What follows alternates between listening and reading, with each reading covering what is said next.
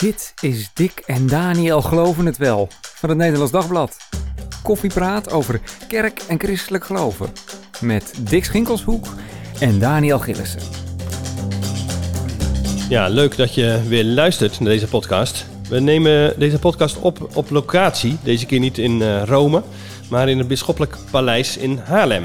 Bij de indrukwekkende basiliek Sint-Bavo, de kathedraal van het bisdom Haarlem-Amsterdam. We zijn namelijk te gast bij bisschop Jan Hendricks. Monsieur, wat fijn dat we hier mogen zijn. Welkom. Dank u. Uh, we zijn zonder Dick helaas, want hij zit met klachten in quarantaine thuis. Dus uh, helaas, sterkte Dick ja. en beterschap. Um, maar we zitten, waar zitten we precies? We zitten ook aan een tafel die af en toe een beetje kraakt. Uh, we zitten in een blauwe zaal, heb ik begrepen, uh, monsieur Hendricks. Ja. Uh, wat, wat, zien we precies? Want er zitten een aantal schilderijen hangen hier aan de muur. Ja, in deze zaal hangen de eerste bisschoppen van toen nog Haarlem, bisdom Haarlem. Mm -hmm. En dat, de eerste twee die zijn van de 16e eeuw. In 1559 is het bisdom hier opgericht. Kijk. Toen zijn er nog net even twee bisschoppen geweest. Toen kwam de Haarlemse Noon, heet dat hier. En uh, toen werd het katholicisme de, de verboden, de reformatie kwam en oei, oei. wegwezen. Schuilkerkentijd. Ja, ja, ja. En toen in, uh, in de 19e eeuw is, zijn de bisdommen weer opnieuw opgericht, 1853. Ja. En de eerste bisschop van toen, die hangt hier ook. Dat is deze. Ja. Monsieur van Vree. Ah, ja, belangrijke een... man. Ja, die heeft ook een mooi uh, uh, schilderij eromheen gekregen met een goudkleurig uh, ja. rijke Roomse leven, denk ik dan meteen aan. Zo hadden er hier nog heel wat ja? in huis. Ja, ja. Maar Van Vree was ook echt een heel belangrijke man. Hij had veel contact met de politiek ook. Was, was een belangrijke gesprekspartner. Mm. dus dus oké, okay, hij heeft heel veel gedaan, maar hij heeft maar kort geleefd. Hij is heel jong gestorven. Okay. Maar dit zijn uw voorgangers dus die hier hangen? Ja. Dat is wel bijzonder, om dat zo te, te zien. Dat het inderdaad een, nou ja, ik zou zeggen de generaties door, dat is het dan niet. Maar in elk geval. Uh, voorgangers die inderdaad hetzelfde hebben gedaan als u. En door toeval ga ik er zelf ook al, ergens. Oké, okay. ja. hoe komt dat dan? Nou, dat komt omdat ik een vriend heb die een kunstschilder is.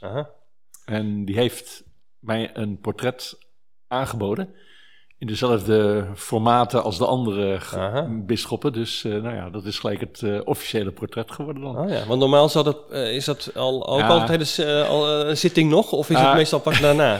ik was dus eerder dan mijn ja. voorganger.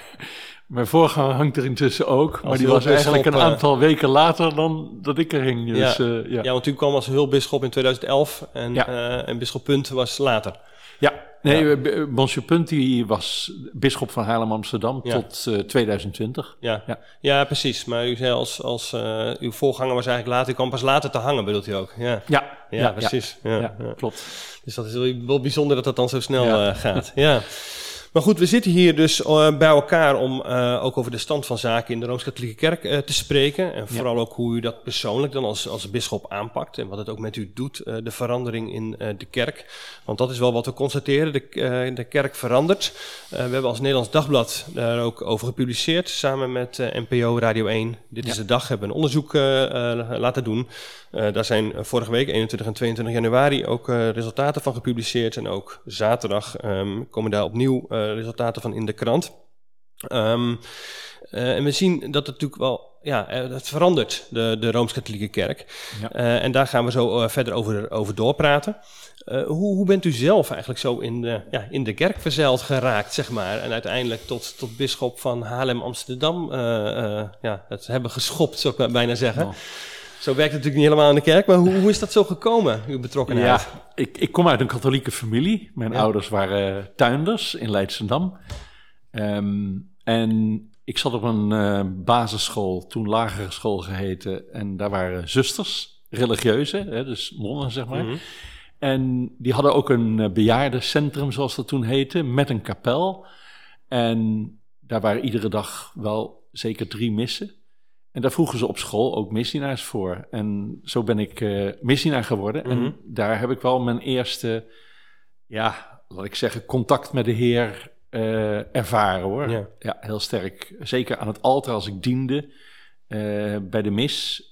zeker ja, de, de, de, consecratie zoals dat heet. Dus dat zijn wanneer de priester de woorden van Jezus bij het laatste avondmaal zegt.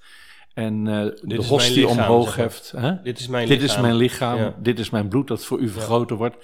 Eh, dat was toen in het Latijn, maar ik wist wel wat, het, wat hij zei. Ja. En ehm, eh, dan, daarna hief hij dan de hostie omhoog en de kelk omhoog en hij knielde. En eh, als missionaar moest ik dan bellen Oh, en het kassuivel, het kleed van de priester optillen.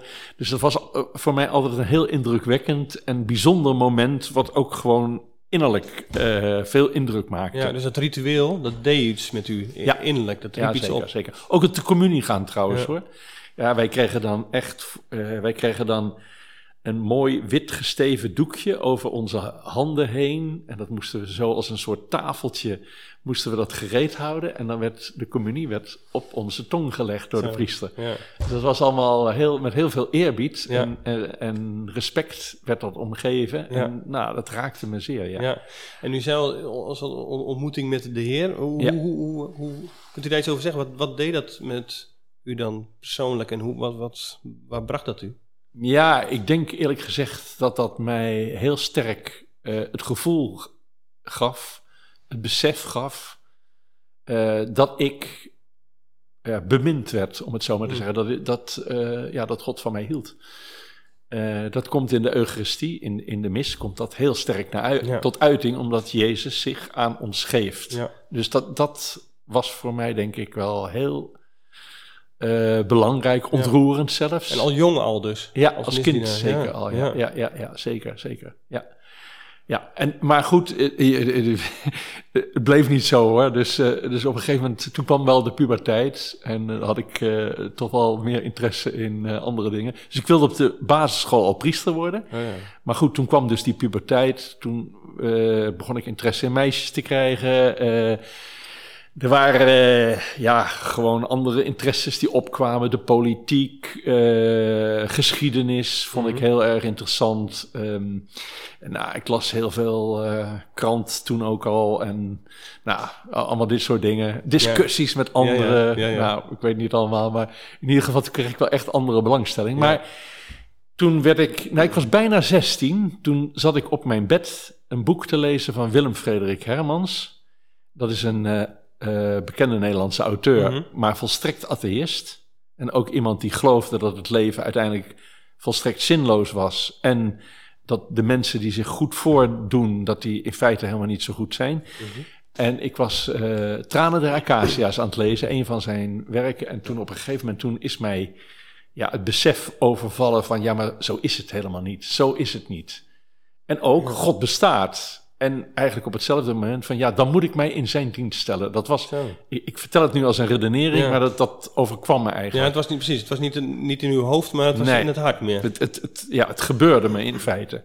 Dat Maar WF, dat WF Hermans dat nog kan bewerkstelligen. het is ongelooflijk. Hij zal zich in zijn graf omdraaien dat hij deze bekering teweeg heeft gebracht. Maar het is wel gebeurd. Het laat wel zien dat Gods wegen ondergrondelijk zijn. Ja, inderdaad. zegt dat wel, ja. ja. En ik heb daarna nooit meer getwijfeld. En je kon ook aan allerlei dingen in mijn leven zien... dat dat gewoon me een hele positieve impuls had gegeven. Ja. Ja.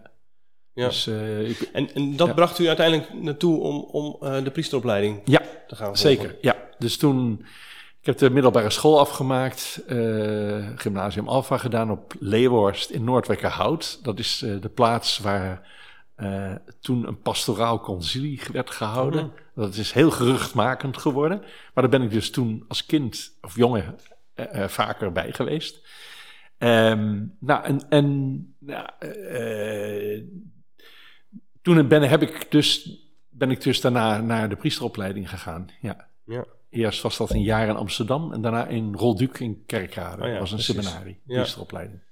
En, en vervolgens dus, nou ja, ik heb even carrière gemaakt in de, in de kerk.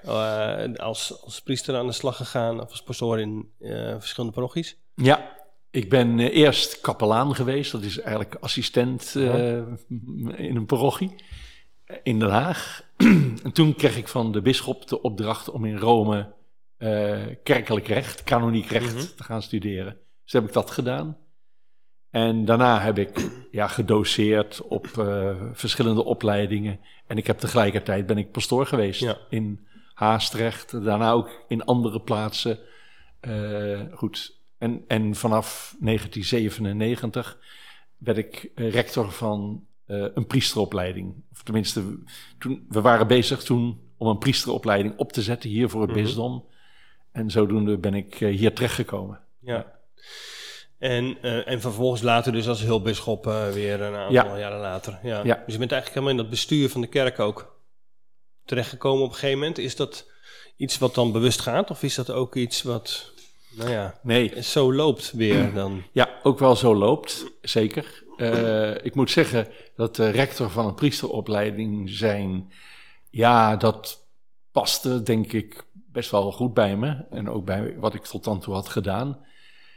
En ja, dat was ik een heel aantal jaren geweest, 14 jaar. En, en, en toen, eh, ja, de, mijn voorganger, die heeft mij toen voorgedragen in Rome om het te benoemen. Hij moet dan een paar kandidaten Ja, eh, indienen.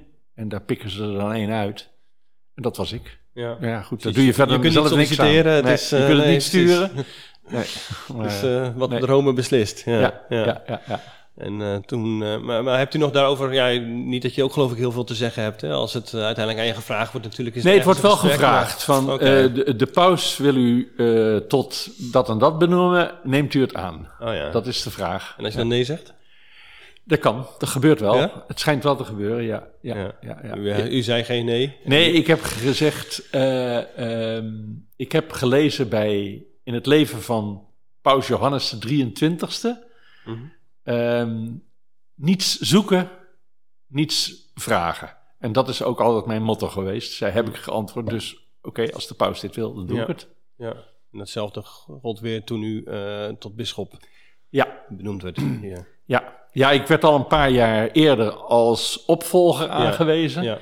Als coadjutor heet dat Ja. dan formeel. En dus Ja, dat daarna... is weer een andere. Er kunnen verschillende vormen zijn, Ja, inderdaad, ja, hoe je, ja. wat het voortraject is, zeg ik, maar. hè, ik, was, ik Ja. wist al, zeg maar, Ja. vanaf eind 2018 Ja, dat, ik, dat, ik, dat dit Ja. de weg was. Ja. En eh, dat was op zich, nou ja, niet, niet zo slecht in dit geval. Want ik ben bisschop geworden van het eh, bisdom in volle coronatijd. Mhm. Dus toen mochten er maar 30 mensen in de kerk ja, zijn. dat was juni 2020. En eh, Ja, toen was er, eh, kon er inderdaad natuurlijk niks. Nee, Nee. Nee. Hoe was dat? Omdat het Nou, op zo'n moment dat het niet, nou ja, geen ik vond eigenlijk, eh, ik had er geen probleem mee. Nee hoor. Nee, nee? Ik had er geen, we hadden een livestream en Ja. heel veel mensen, duizenden mensen hebben die Ja. livestream gevolgd. Ja, Dus die waren er wel bij betrokken. ja, En ja, de mensen in het bisdom die kenden me allemaal al lang. ja, Ik liep al zo lang rond. ja, precies. Ik kende eigenlijk alle, werken, alle nee, priesters wel een beetje. Ja, Dus wat dat betreft, ja, zoveel nieuws was er ook weer niet Nee. aan onder de zon. Dus eh nee, dat was niet zo erg. Nee, nee, precies. was prima. En hoe, u zei al, de livestream eigenlijk, hoe, hoe gaat het met de online kerkgang zeg maar, in het bisdom? Dat is natuurlijk heel actueel Ja. nog steeds. Eh, al mag er nou ja, vanaf zondag eh, weer wat Ja. meer nu de Ja. lockdown is opgeheven.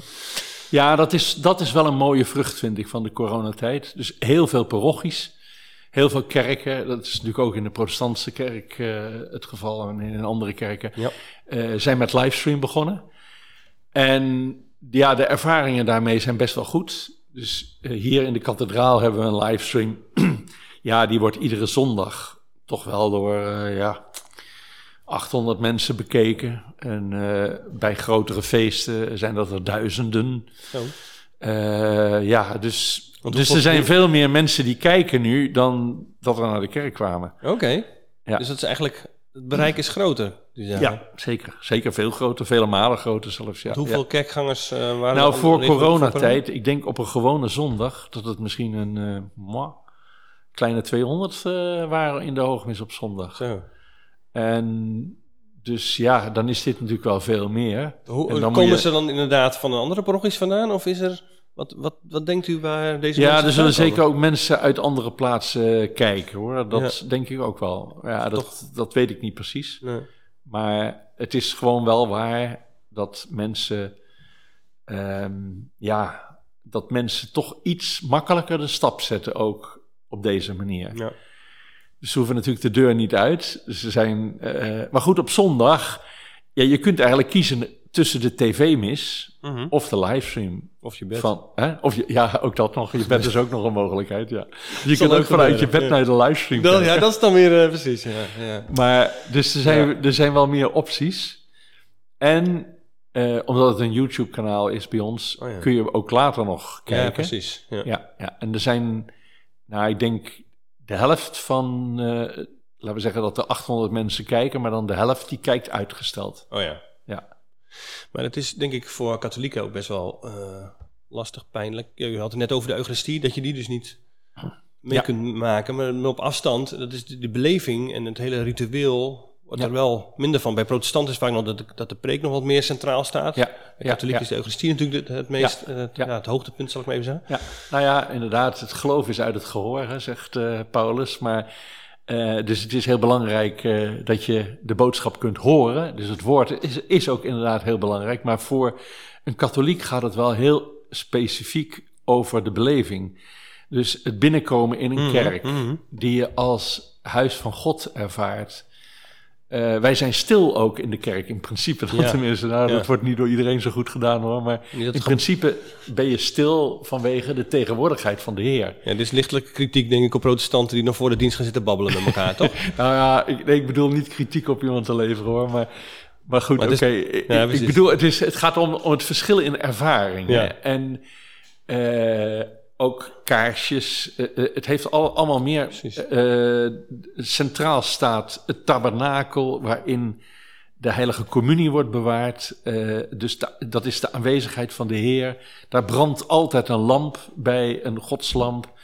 Dus het, het hele gebouw al is heel sterk gericht op de aanwezigheid van de Heer en het staan voor, eh, voor God als je de kerk binnenkomt. Het gaat bij katholieken heel duidelijk meer om ervaring Mhm. dan om eh, precieze kennis of, of wat dan ook, of, of het denken over ja.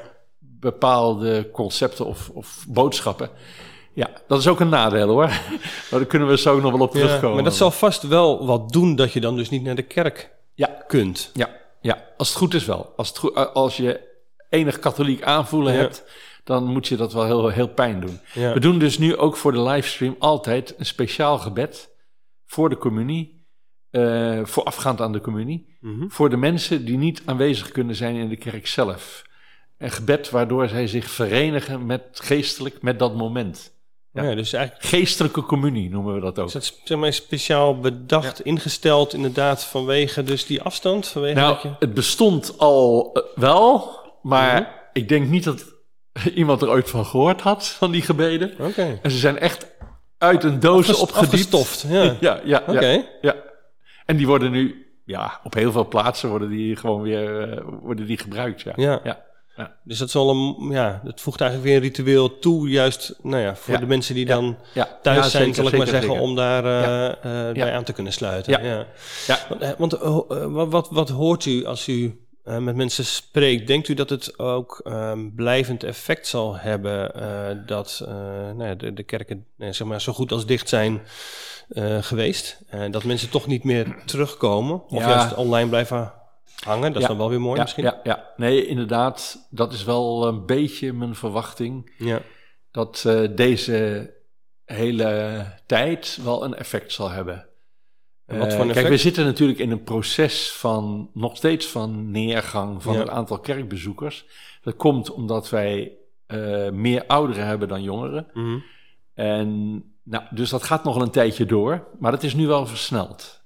Er zullen ouderen zijn die dan op een gegeven moment, als, het, als corona een beetje voorbij is, dan toch gewoon moeite hebben om die draad van naar de kerk te gaan, om die weer op te pakken. Ben ik bang. Ja. Ehm, ja, dat. ehm, dus, maar aan de andere kant is dit wel een hele mooie aanvulling. En het is ook wel een manier waarop we weer heel veel andere mensen bereiken, in feite. Dat wel hoor. Dus Ja. Ja. ja, want u zegt inderdaad, het bereik op, eh, op het YouTube, het YouTube-kanaal is dan echt weer veel hoger dan wat je normaal met Ja. vaste ja, kerkgangers zou, ja, ja, eh, ja, zou zeker, hebben. Dus zeker, ik zeker. weet ik niet helemaal hoe dat Want ook ontwikkelt. al andere programma's, bijvoorbeeld, we we doen ook lezingen op eh, Mhm. YouTube en zo. En ja, die zijn vaak echt eh, vele duizenden keren bekeken. Dus ja, dat, dat je daar misschien mooi. normaal met 100 mensen eh, zou hebben gezeten, dan zou je Nou heel ja, blij zijn geweest. Of 20. Oké. Ik, eh, ik heb bijvoorbeeld een reeks tamelijk theologische lezingen gehouden. En ja, dan krijg je normaal een klein zaaltje voor met een twintig mensen of zo. Mm. maar nu zie ik aantallen staan van, weet ik het, eh, 2000, 2500 of nog meer. Dus dat is natuurlijk een heel groot verschil. Je bereik is vele malen vergroot Ja, inderdaad. ja, Ja, Ehm, in de krant zijn we ook bezig met, als Nederlands Dagblad, met leren leven met corona. Als een soort serie eh, beginnen we ook zaterdag van. Hoe gaan we daar dus als eh, sectoren allemaal verschillend mee, mee om? Eh, minister Kuipers heeft ook gezegd, het gaat nog even niet weg, corona. We zullen daar op een of andere manier ons toe moeten verhouden.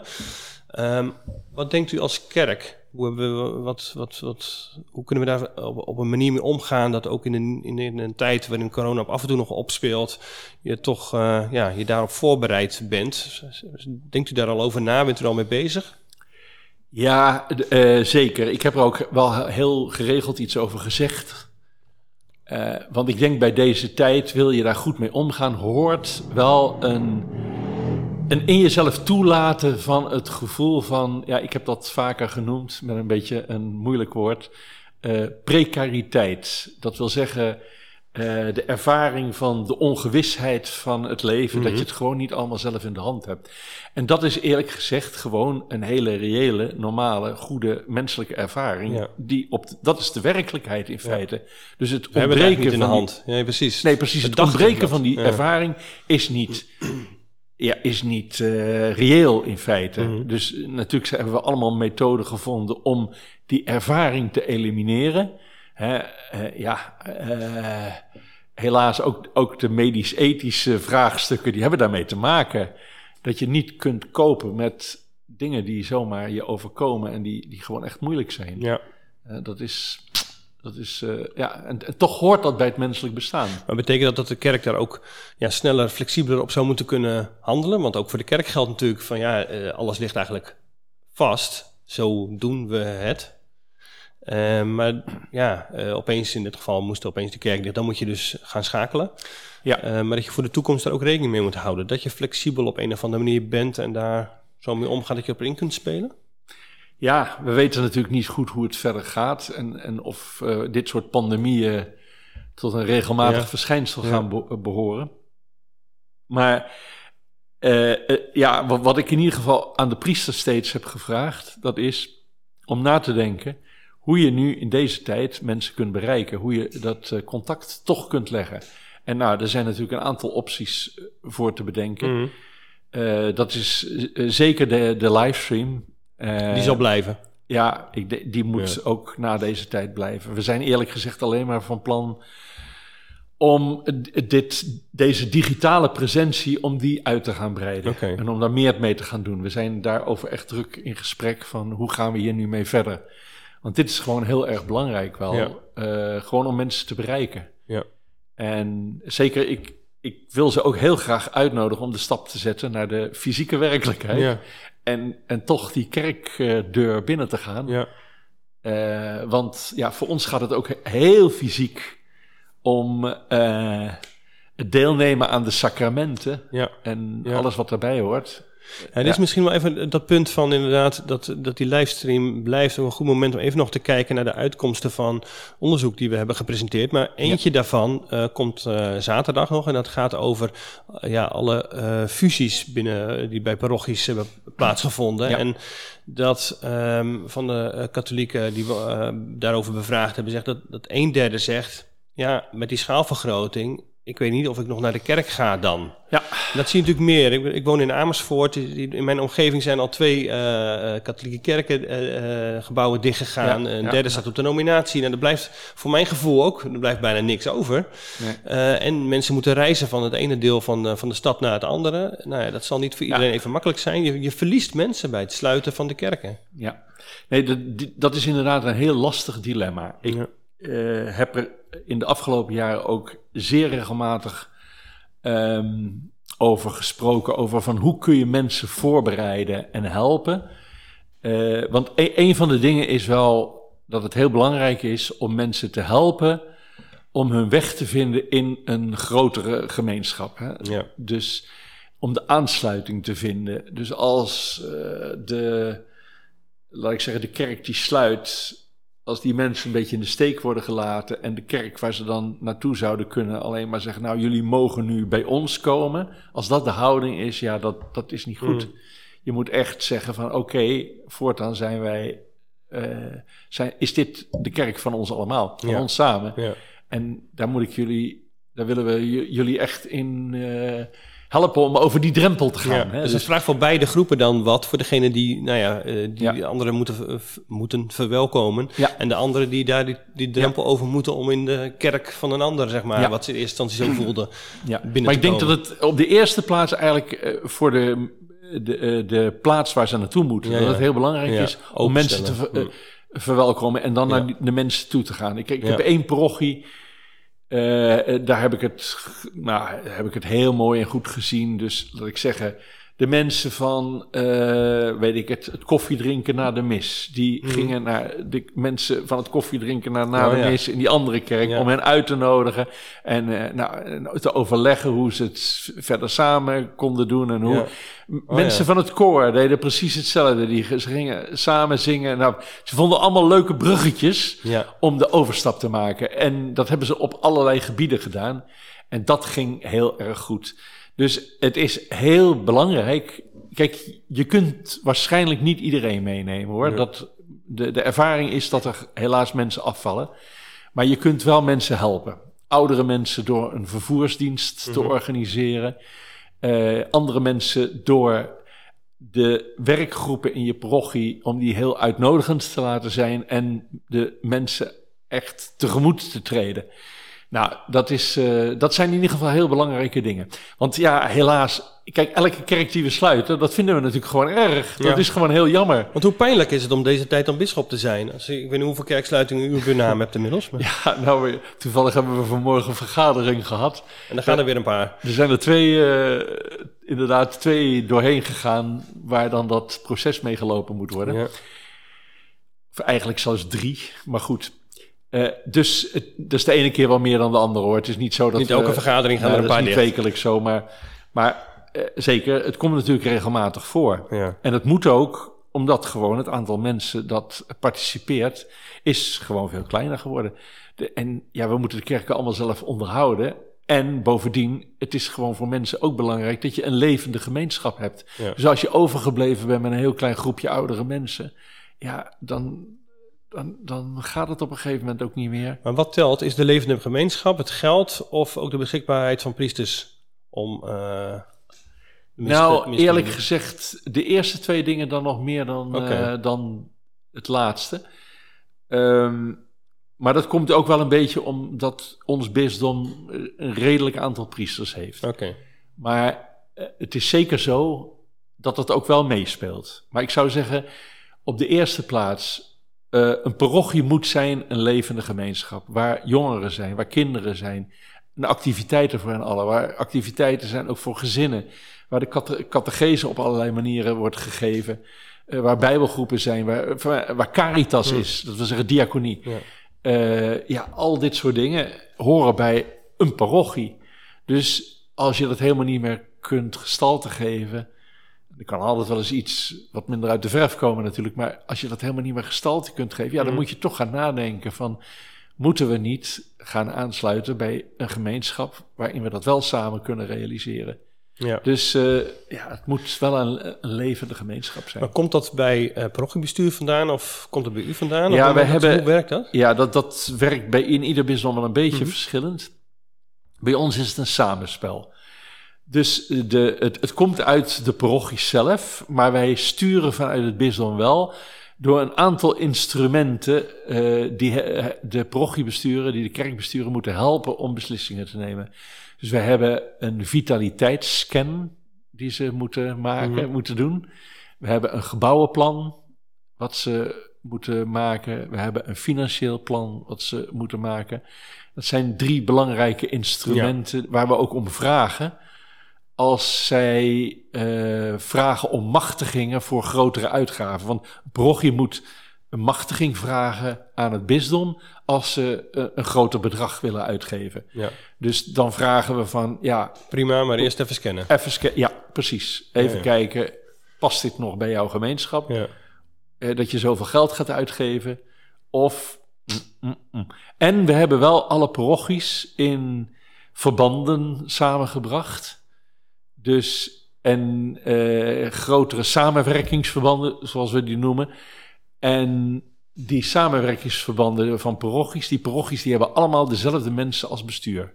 Oh ja. Dus dat bestuur, eh, dat kan, heeft een overzicht over een groter gebied. En dat Ja. is ook belangrijk, want ze moeten ook kunnen garanderen dat op den duur er een goede presentie is in een, bepaalde, in een bepaald gebied van de katholieke kerk. Ja, het kan niet zo zijn dat je straks eh, 30 kilometer moet reizen voor je kerk. Ja, precies. Dus je, ja, dat moet een beetje goed verdeeld zijn. Ja. Ja. Eh, en en hoe, hoe, ehm, hoe groot is die kaalslag op dit moment in uw eh, bisdom? Of, verwacht u daar nog... eh, want er zijn natuurlijk ook eh bisschoppen die zeggen... van, ja, ik weet, ehm, binnen tien jaar gaat het zo en zo hard... zal de afname dit en dat zijn. Bent u ook van die lijn dat je zegt... oké, maar er gaan eh, nu nog eh, binnen tien jaar... eh, waarschijnlijk nog een x-aantal kerken dicht?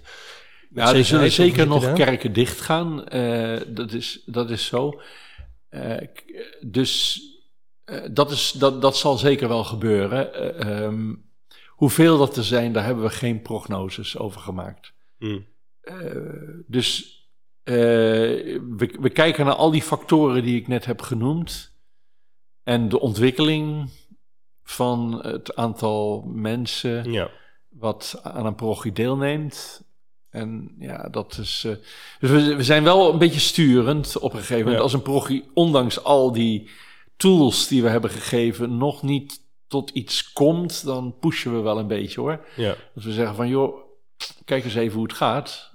Eh, Ja, precies. Maar die zit er niet ja. helemaal bovenop om het, om het continu te, te Ja. monitoren en, en, Ja. en, en Ja. eh, ja, doorheen te we- drukken. dat doen we wel. ja, ja, Ja. Maar dat je het ook, ehm, je geeft ze ook wel, ja, ze moeten ook wel zelf die, die keuzes maken, Ja. zeg maar, dat meemaken Ja, en daar ja, natuurlijk. ja. eh, Het is dus niet gaan. zo dat wij van bovenaf zeggen Nee. van hups, we fuseren 20 parochies. Nee, dat. dat. En ja, ja, precies. nu gaan Ja. nu die, an- Ja. die kerken, die moeten jullie maar sluiten Ja. of zo. Dat doen we Ja. niet. Nee. Nee, precies. Ja.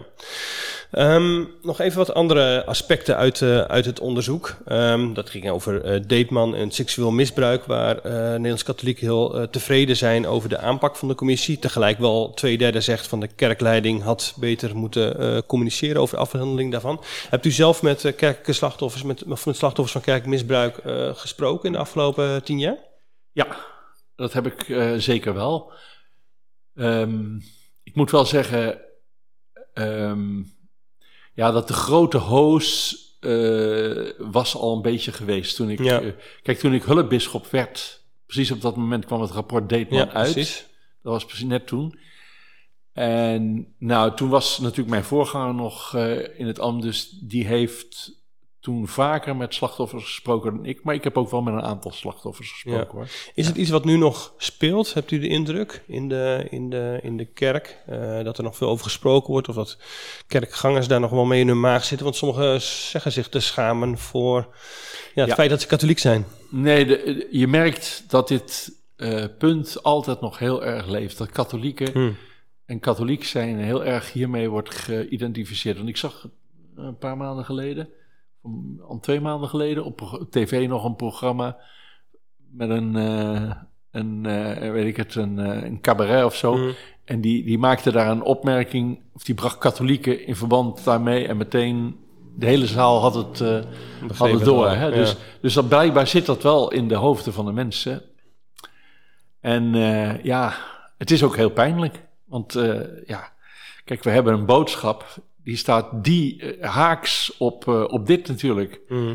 Wij zijn gekomen om eh, jongeren en kinderen te beschermen en hen tot hun recht te laten komen.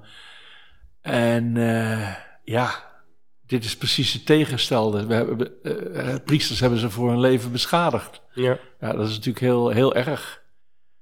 Dus ik heb niet het idee dat de cijfers in feite eigenlijk hoger zijn dan elders in de maatschappij. Te- eh, zeker niet in Nederland, voor buitenland kan ik niet spreken. Mhm. Maar, maar eh, ja, het is natuurlijk voor de katholieke kerk veel erger, omdat, ja, omdat je met, wij hebben een boodschap. Bovendien hebben En we hoge morele standaarden. we toch? hebben ja, morele standaarden van, van hier tot Tokio. Dus Mhm. ja, en dan, dan, dan eh, blijkt je blijkt je zulke dingen. Dus dat maakt een hele onwaarachtige indruk. Ja, En dat kan ik heel goed begrijpen. Ja, ik Ja. Schaam, daar schaam ik me natuurlijk zelf ook voor. ja. Zeker. En dat heb je niet na Ja. tien jaar uitgewist. Ja, nee. Nee, dat is, eh, dat is heel, heel pijnlijk. Hoe is het nu met, ik bedoel, ook dat is nu weer actueel natuurlijk, alles rond, nou, zeg maar even MeToo en eh, rond de Voice of Holland, wat weer heel, heel veel oproept aan ja, de veiligheid, eh, met name dan van vrouwen in dit geval. Ja. Ehm, eh, hoe hebt u het idee dat het nu actueel gesteld is in de veiligheid in de Rooms-Katholieke Kerk? In de katholieke kerk. Nou, ik denk dat het altijd iets blijft waar men waakzaam op moet zijn. Want het is in- de, in de sfeer van de voice ook een keer gezegd. eh, het gaat om concrete mensen. En die concrete mensen die kunnen best heel sympathiek zijn. En leuk of aantrekkelijk. Hè? En dat is natuurlijk, dat is natuurlijk zo. Ik, ik had toevallig zeer onlangs nog een geval van een, eh, een, een koorleider, een dirigent. En eh, ja, en het koor wilde hem behouden. Die pleitte ervoor om hem te behouden. Dat is helemaal tegen onze standaards. En- Want er was iets eh, ja, misgegaan, zou ik maar nou zeggen. ja, die, die, de- niet in de sfeer van de kerk, Mhm. elders. Oh, maar die man was veroordeeld, eh, zelfs. eh, ja. Ja. En, En nu zei je van dit kan eigenlijk niet, hij kan nee, daar niet blijven kan hij niet zitten. doorgaan als dirigent van het koor. En wat is het uiteindelijk geworden? Bedoel, is hij vertrokken of is Ja, het... ja, eh, ja, nee, nee, hij moet, Ja. nee, zeker, hè, zeker. Ja, Ja. dat, dat Ja. kan niet meer, zeg maar, dat je dit nu met deze standaard Nee. iemand laat zitten op zo'n nee, plek. Nee, nee, nee, nee, nee, nee. Nee. nee. Nee, dat, maar, maar die verleiding om, dat, om toch Mhm. Ja, eh, iemand moet een tweede kans hebben. Ja, dat soort. eh, ja, je moet daar. Maar als het gaat om een kwetsbare positie waar, waar iemand staat, en, eh, een positie met macht, Mhm. aanzien, gezag, en eh, waarbij ook mogelijk nog afhankelijkheid is, ja, dan moet je echt heel erg uitkijken en dan moet je toch radicaal zijn. Ja. Ik, eh, ik hoop dat ik dat altijd goed zal doen, met wat op mijn bordje komt, maar het is, eh, het is natuurlijk echt, je moet heel, je moet het heel, je moet er heel consequent in zijn. Ja. ja. En ook dan dus, dus inderdaad durven doorpakken en te zeggen Ja. van oké, maar dit kan toch En ik, gewoon ik niet. moet hoe, heel eerlijk zeggen, bekijkt. Ja. ik moet heel eerlijk zeggen dat ik me kan begrijpen dat zeker in het verleden, toen alles nog niet zo Mhm. helder was, dat eh, mensen in de behandeling van dit soort eh, gevallen toch wel eens een beetje eh, in de, te makkelijk zijn geweest. Ja. Ja. Ja, ja. Nog een andere uitkomst was dat de helft van de geënquêteerden eigenlijk ongeveer aangeeft dat ze zeggen, want de Rooms-Katholieke Kerk is te weinig zichtbaar in de Nederlandse samenleving. Hè? Ja. Ook als het gaat om bijvoorbeeld klimaat, zorg voor de schepping, dat soort dingen. Ja. Ehm, hoe, hoe, zijn dat dingen waar, je, waar u zelf als bisschop mee bezig bent? Van hoe zichtbaar ben ik in de Nederlandse samenleving, in Ja. het land, maar misschien ook ja, specifiek in deze regio? Ja. Om het te laten zien en mee te praten over eh, eh, ja, Ja. zaken die in de, in de maatschappij spelen. ja zeker. Eh, dat, eh, dat is voor mij een belangrijk punt, ja. En op welke manier doet u dat? Of kunt u dat doen? Ja, eh, ik probeer eh, de kansen die ik krijg om naar buiten te treden of in de publiciteit te treden, eh, wel eh, aan, te, aan te nemen. Ja, Deze inderdaad. podcast. Deze podcast. ja, of ook Ja, ja. als mijn interview wordt gevraagd. Precies. Of ik heb mijn eigen website, Ja. eh, Twitter-account, Facebook, Ja. Instagram. Dus ik, ik doe wel het nodige op ehm, sociale media. ja, waarom is dat?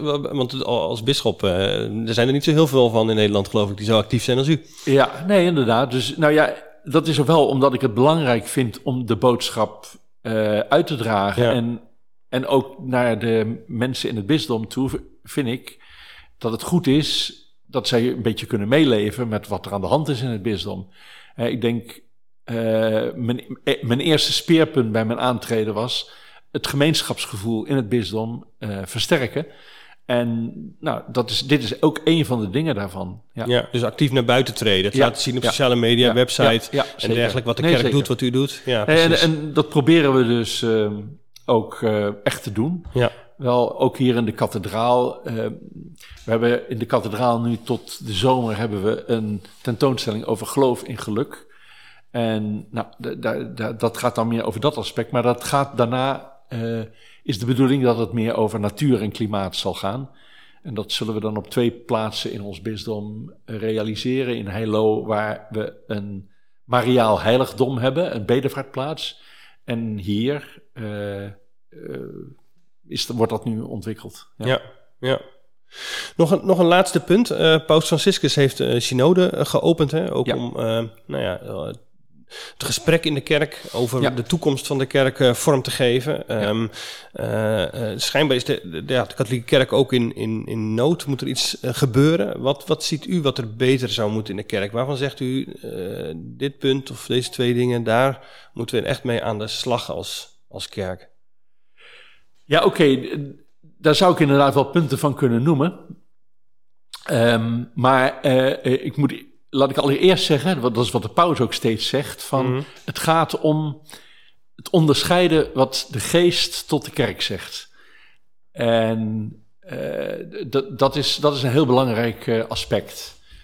Dus het gaat niet over een discussie over of je voor of tegen het celibaat bent, of dat vrouwen wel of niet priester moeten worden, of weet ik het, uh, zulke soort dingen. Nee, dat is eigenlijk niet aan, aan de orde, maar het gaat om met elkaar te luisteren naar het woord van God en naar de stem van de Heilige Geest en uh, ons af te vragen wat dat voor de kerk uh, betekent. Ja. Mm -hmm. En, en, ja, ik en, denk. En, wat, wat hoort u? Om het, ja, niet dat ik het. Ja, ik, heb, ik kan me voorstellen dat het proces al gaat. Ja, ja. oké. Okay. Nee, maar er zijn veel vragen die naar Rome gaan. Nee, oké. Okay. Ik, ik, heb zelf nou, ik, ik heb zelf had ik vier punten uh, bij mijn aantreden naar voren gebracht. En die punten, die, dat zijn punten die ik dus zelf heel erg belangrijk vind. En waarvan ik denk dat we voortdurend na moeten denken over hoe we die punten uh, gestalte kunnen geven. Dat zijn op de eerste plaats dus van gemeenschap. Dat, hoe kunnen we uh, kerk zijn meer tot gemeenschap maken? Mm -hmm. Want dat is heel belangrijk. Iedere gelovige moet zich niet zozeer voelen als iemand die staat tegenover een instituutkerk, maar als onderdeel van een gemeenschap.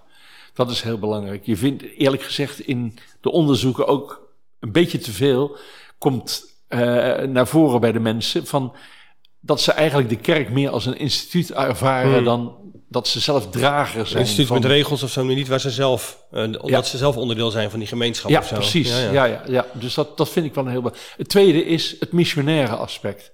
Dus hoe gaan we naar buiten met de, met de ja. boodschap? Hoe kunnen wij onze visies, onze inzichten overbrengen uh, naar buiten toe? Nou, dat, dat is ook iets waar we dus heel veel mee bezig moeten zijn, heel veel aandacht uh, voor vragen.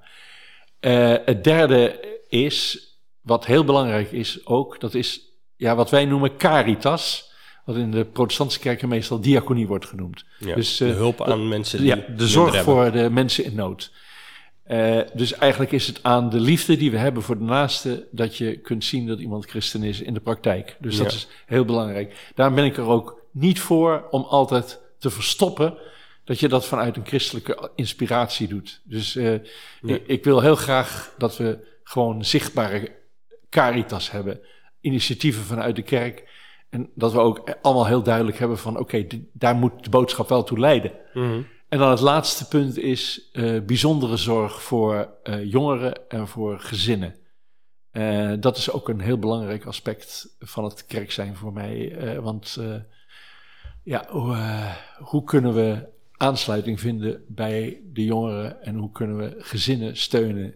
en, de opvoeding van de kinderen. Ja, precies. En om dat ja. laatste punt even te pakken, dan is dat iets wat, wat um, Um, wat, wat, wat de kerk nu eigenlijk mee worstelt van op welke manier doe je dat op een goede manier en hoe raak je die gezinnen en hoe kom je het leven binnen uh, en ja, hoe betrek je naar de kinderen die er misschien maar op zo'n geval maar mondjesmaat zijn, ja. uh, inderdaad bij, bij de kerk. Ja, ja dus uh, waar we mee begonnen zijn nu, dat zijn gezinsdagen of familiedagen. Die op verschillende plekken in ons bisdom worden gehouden. En dat is dan een zondag, een, maar dan echt een dag met, met een mis, met een viering dus. En met een heel programma erbij. Uh, met eten samen, met ook je gemeenschap voelen met elkaar. Nou, daar zitten allerlei aspecten in in zo'n dag. En dat is wel tot nu toe in ieder geval een goed succes. Dat loopt eigenlijk best wel heel goed. Want uh, gezinnen die iets willen maken van hun geloof, zeker als ze katholiek zijn, mm. en uh, dat, is, dat is bijvoorbeeld in evangelische gemeenschappen misschien wel een beetje anders, maar zeker binnen de katholieke kerk is dat zo. die lopen een, een, kans om te vereenzamen als christen. En een christen alleen is in gevaar. Je moet altijd met elkaar zijn. Hè? Dat is heel belangrijk. Gemeenschap is heel dus belangrijk. Ja, precies. Het uw eerste punt. En daardoor ja. uh, biedt, je, biedt u de mogelijkheid om, om, elkaar te ontmoeten en het dus samen te doen. En niet zeker, uh, zeker, als zeker. Uh, individuen. En verder hebben jongeren hebben gewoon hun eigen weg ook. Dus ja, hier in de kathedraal zijn veel activiteiten voor jongeren. Maar het is ook, het is ook verschillend. Dus wat het bij jongeren goed doet, dat is charismatisch dat is meer de evangelische kant. Mhm. Bij ons heb je charismatische vernieuwing wel. Nou, daar zijn wel meer jongeren bij betrokken dan anderen. En het hele klassieke. Dus uh, de oude mis van vroeger, uh, de Latijnse mis, ja, dat trekt jongeren ook aan. Dat zijn ook dingen die. Uh, en, en ook soms de meer stevige standpunten. Ja. Die ook weer radicaler zijn, hè, vaak jongeren. dat zien we ook wel terug in onderzoek. Ja, precies.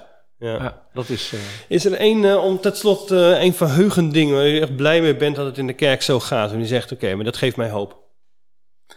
Nou, ik denk dat er toch wel meer dan één ding zijn die hoop geven. Dus eerlijk gezegd zijn er voortdurend dingen die me hoop geven. Omdat ik... Mooi, ja. ik ja, ik kom op heel veel plaatsen. Ja. Het bisdom is de hele provincie Noord-Holland en Zuidelijk Flevoland.